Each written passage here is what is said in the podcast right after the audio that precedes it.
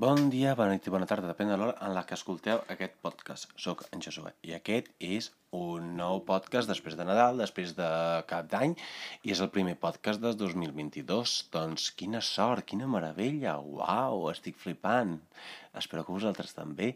Doncs res, uh, com a primer podcast, doncs vinga, som-hi, comencem! Molt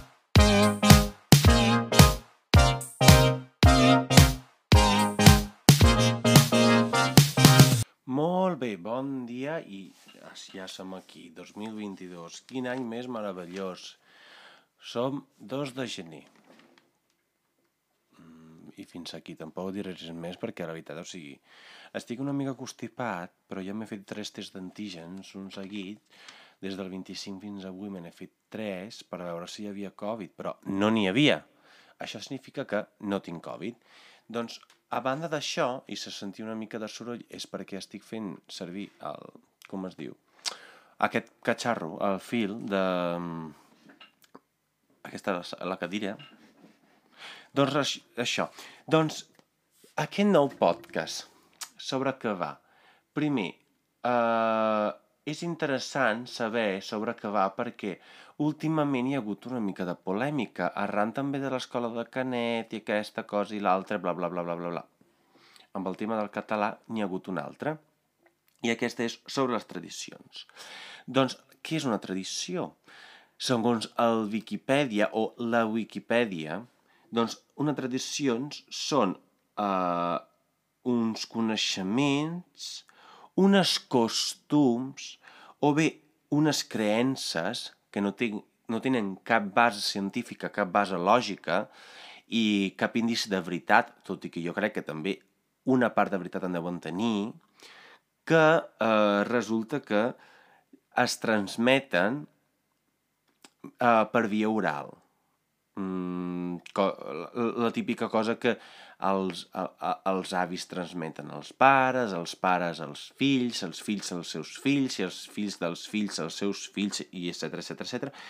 Però són totes coses inventades, o sigui, no tenen cap base científica i no tenen res. És veritat que també que hi ha, avui dia, i ara que acabo de fotre un cop al micròfon, però hi ha tradicions que, per exemple, són superantigues i superescaroses, com per exemple, i m'acabo de fer un castellins perquè és escarós, però m'equivoco, i ho rectifico, fastigoses, com per exemple la tauromàquia, o tauromaquia, no sé com es digui, però és cert que, per exemple, aquesta, aquest, aquesta mena de tradicions per mi es podrien suprimir i deixar en el, en el calaix de l'oblit, bàsicament, perquè quin sentit té matar per gust en nom de l'art, bàsicament. Mm, no trobo la lògica en tot això. Però bé, i per què us parlo d'això? Perquè hi ha una periodista se suposa que és periodista, em sembla, no, no sé, no he verificat el seu perfil, però pel que he pogut veure, fa poc de temps va escriure un article en el que explicava que mm, això de, de cardar-li cop al tió és eh, apologia a la violència, bàsicament. La, el resum d'aquest article era que és la... Eh, cardar-li cop al tió és apologia a la violència perquè uh, si tu no fas alguna cosa bé, et cardaré una hòstia i tu la faràs bé. O si jo vull alguna cosa de tu, doncs et cardaré una... Un, o me la dones o et cardaré una hòstia i me la dones. I llavors ell explicava el per què troba que aquesta eh, tradició no s'havia de, de seguir, tampoc he llegit massa bé, he llegit una mica per sobre l'article perquè la veritat, o sigui, tampoc m'interessa, perquè quan jo veig que des del principi s'escriuen certes borrades, doncs eh, passo bastant per, per dalt aquestes coses. I res, i, i em feia gràcia perquè el tió, jo vinc d'Itàlia, com ben sabeu, i a Itàlia no hi, no hi ha ni tió, ni tiona, ni tioni, ni, ni totes aquestes històries, perquè principalment mmm, també ara eh, faré una, una petita digressió com M'agrada molt aquesta paraula perquè aquesta, aquesta paraula la feia servir Manzoni, no sé si el coneixeu, és un autor italià que va escriure els... no sé com es diu en català, però en italià és I promessi sposi, que és la primera novel·la, entre cometes, el... que està escrita en italià modern, un italià mm, inter... que no s'havia escoltat fins, a, fins aleshores i que és interessant perquè, per exemple, s'escriu i es fa creure que havia estat escrita 200 anys abans quan no és cert, però bé. A banda d'això, aquesta digressió, doncs em fa gràcia perquè, clar, jo vaig venir d'Itàlia i el tio mm, no el tenim allà. Doncs nosaltres, per exemple, celebrem el, Santa, el Pare Noel, i, o el Santa Claus, com li diuen a, a, a, a, als països anglòfons. I després hi ha la Befana. Doncs la Befana, no sé si la coneixeu, però la Befana és una vella, és una entre vella i bruixa, que el dia de Reis, el 6 de gener, doncs passa per totes les cases dels nens i, i deixa una, una mitja farcida de, de llaminadures i sempre a mi em tocava també una mica de carbó d'aquell dolç. I m'emprenyava molt perquè deia, clar, és que jo he sigut un bon nen tot, a, tot aquest temps i perquè m'ha deixat carbó, però després me'l menjava igualment perquè com que era dolç ja tant me'n fe, tant feia. Doncs què passa? Doncs vaig arribar aquí i em sembla que el primer any que vaig estar amb la parella doncs vam fer el tió, perquè em feia il·lusió també, perquè era una cosa nova, i no, no, no n'havia fet mai, i a banda, per, per exemple, la meva tieta, nosaltres, com que la meva tieta és italiana, nosaltres celebràvem només el dia 24, feim, ens donàvem els regals a la mitjanit. Així que, bueno, vam fer el tió, vam posar la cançó al YouTube, a banda ja teníem el gos i llavors vam fer com un tió pel gos, perquè era, co- és el nostre nen, i llavors, com que hi havia un nen a casa, doncs s'havia de fer el tió, i em va fer gràcia perquè, clar, li havies de posar aquesta manta i després picar-lo i cantar aquesta cançó i, i després cagava regals. Fins aquí no hi ha lògica, però és una tradició, i les tradicions no, no tenen per què tenir lògica. I, i, llavors, en aquest moment, bueno, en aquest moment, després d'aquest període on hi ha tanta, tants problemes en tantes coses que són ben poc rellevants per la vida de tothom, doncs, clar, jo llegeixo aquests articles i, i els trobo complicats d'entendre, perquè no, no, no trobo el sentit de ficar-se o bé queixar-se de tradicions que al cap i a la fi no deixen de ser invents sense lògica i que no fan mal a ningú, perquè científic, si seguim el mètode científic a la lletra per veure si el tió de debò pateix, veiem que un, una branca d'un arbre tallada, seca i només pintada no té cap, no, no té sentiments ni tampoc té, té sensacions o, o, o, o, o prova dolor en ser picat. Llavors em pregunto, cal tota aquesta mena de circ que estan fent aquests periodistes o aquestes persones que, per sort o malauradament, tenen espai en mitjans públics o, o, o bé, tot i ser digital, mitjans que tenen certa rellevància al país per infondre aquestes idees que jo crec que són bastant de merda? Aquest és el tema. O sigui, necessitem aquestes persones que ens expliquin que no s'ha de picar el tió perquè això fomenta la idea de la violència i de que si tu no em dones alguna cosa, jo amb la violència l'obtindré igualment. O sigui, jo des que era molt petit, bueno, molt petit no, però des que tinc ús de raó i recordo coses, recordo d'haver vist als telenotícies sempre que hi havia eh, morts, hi havia cossos mutilats, violacions i no sé, no m'he convertit ni en un violador ni, ni, ni en un assassí. I, I fa temps que veig aquestes coses. Avui dia obrim el, el telenotícies i tota l'estona estan parlant de desgràcies. I mm, no, no és perquè jo hagi vist una desgràcia que llavors jo em convertiré en qui farà que aquestes desgràcies siguin realitat.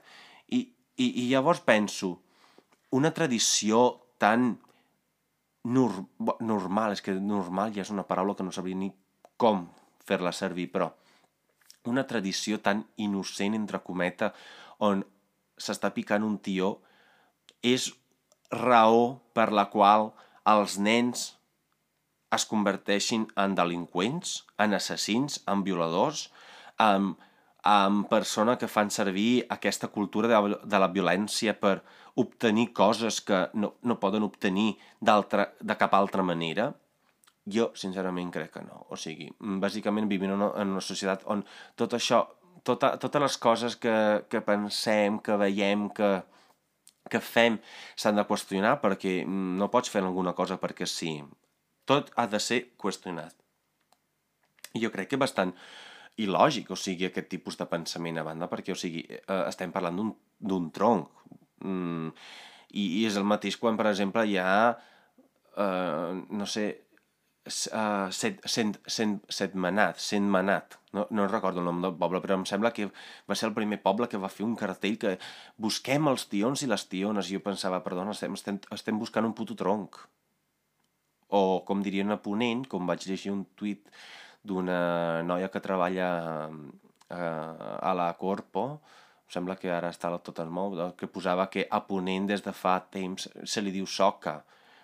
Llavors, on està el problema de feminitzar-ho? I a banda, perquè clar, també tornem a entrar en la, en la mateixa contradicció, o sigui, el tió no, perquè també hi ha d'haver les tiones, dius, vale, molt bé, però com és que distingueixes un tió d'una tiona? Perquè bàsicament ara estàs tornant a, a recrear els estereotips de feminitat, eh, feminitat, bueno, feminitzadors, de si és una tiona, llavors portes els morros ben pintats, i porta les pestanyes ben llargues i tot això. I llavors, llavors entres en un altre bucle de... És que, clar, és que per què si és una tiona si ha de se li han de posar les pestanyes o els morros pintats i no sé què, mentre que el tió no... Bàsicament, o sigui, um, estem entrant dins les tradicions que no afecten a ningú, sincerament, perquè a banda que una tradició, si tu dius no m'agrada, la deixes de fer. O sigui, la deixes de perpetuar. I llavors, en lloc de...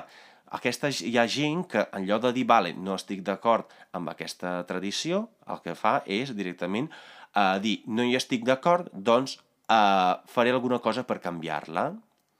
I llavors tu dius, però de veritat necessitem canviar les tradicions?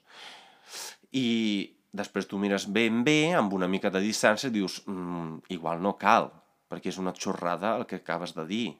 Però bé, llavors aquesta gent comença a entrar, per què no? Perquè hi ha el tió hi ha d'haver també la tiona. Llavors que si hi ha la tiona també hi ha el tioni. Però a banda d'això, si hi ha la tiona, no podem eh, sexualitzar-lo amb morros i pestanyes. I llavors entres, però clar, si jo no li poso morros a pestanyes, llavors com sé jo que és una tiona? Li posaràs un nom? Perquè el nom no, perquè es diu tió no té un nom, no té el nom de Jofre o de, de Josep. És un tió, tió punto. I no com diuen a Barcelona, caga tió, és tió, que fins i tot jo, que sóc italià, que no he viscut el tió des que era petit, dic tió. I es fa cagar el tió. Però, a banda d'això, tot això per dir-vos que, per exemple, eh, sempre ens fixem en tonteries d'aquí. Perquè en aquest cas concret, doncs, com que hi ha gent que té una mica de projecció a nivell eh, català, doncs eh, projecta certs pensaments que jo crec que són bastant de persona beneita. Però eh, si ens fixem una mica, per anar una mica més, més enllà, resulta que el Pare Noel ve, segons eh, informa a les meves fonts, que són internet, doncs el Pare Noel ve de Sant Nicolaus, Sant Nicolàs, eh, que bàsicament en un principi, bueno, l'edat més o menys remunta al 280 abans de Crist. Crec. Igual és després de Crist, però això ja és que jo en anglès aquestes coses la veritat que no les sé fer. AD. I don't know. Uh, però bé, fa molt de temps. Si ho deixem en fa molt de temps, llavors ja estem contents. I llavors resulta que hi havia un Sant, Sant, aquest Sant Nicolaus o no sé què, que venia de Mira, un, un, un, un poble, un, un poble, diria, una ciutat de l'actual Tur Turquia, i aquest senyor anava vestit de, disfressat de verd i repartia regals. segons he pogut investigar breument jo. Però el Pare Noel que coneixem nosaltres és el Pare Noel panxut, el Pare Noel amb barba blanca, un Pare Noel amb ulleretes, i que es passa tota la nit repartint regals per tot el món. Però per què, per exemple, està vestit de vermell i nosaltres coneixem de vermell? Perquè això, el Pare Noel, tothom ho sap, i si no ho sabeu, busqueu-ho, és un invent de Coca-Cola, que per vendre més s'ha inventat un, un, un senyor gordo i amb barba blanca que reparteix eh, regals i felicitats per tot el món eh, i ja. I llavors, sincerament, és millor un senyor amb sobrepès i amb barba blanca que reparteix regal durant una nit a totes les llars del món i se suposa que només en una nit té suficientment temps per repartir regals, colar-se mitjançant el camí i la xamaneia de casa de la gent i deixar regals? Sincerament, aquest senyor el que està fent és, ara no sé la paraula, però allanamiento de morada. Sincerament, perquè una persona que sense conèixer-la, tot i que li puguis tenir molta, molta estima, escoli dins de casa teva, sincerament això és allanament de morada. No sé com es, com es diu en català, ho sento, però mm, no sé. Entrar dins de la propietat privada d'una persona sense conèixer-la i a banda sense claus i sense permís de les famílies. Perquè ningú diu, Sí, jo aquest any he donat permís a Santa Claus per entrar a casa meva a través de la xamaneia.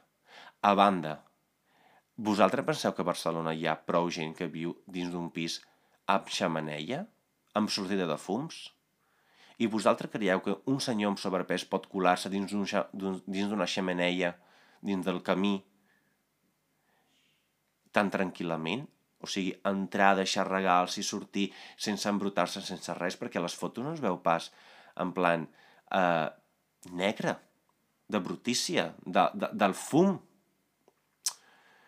En fi, eh, tot això per dir-vos que jo crec que la gent té molt de temps lliure i la gent també està cobrant perquè cobra, perquè té uns enganxos molt bons, té una, un, un, un, una xarxa ben feta i tot això, però, com a país, jo crec que ens hauríem de preocupar d'altres coses, com per exemple la gent que no té on viure, la gent que no té feina, eh, la inseguretat, la LGTBI-fòbia, la transfòbia, el masclisme...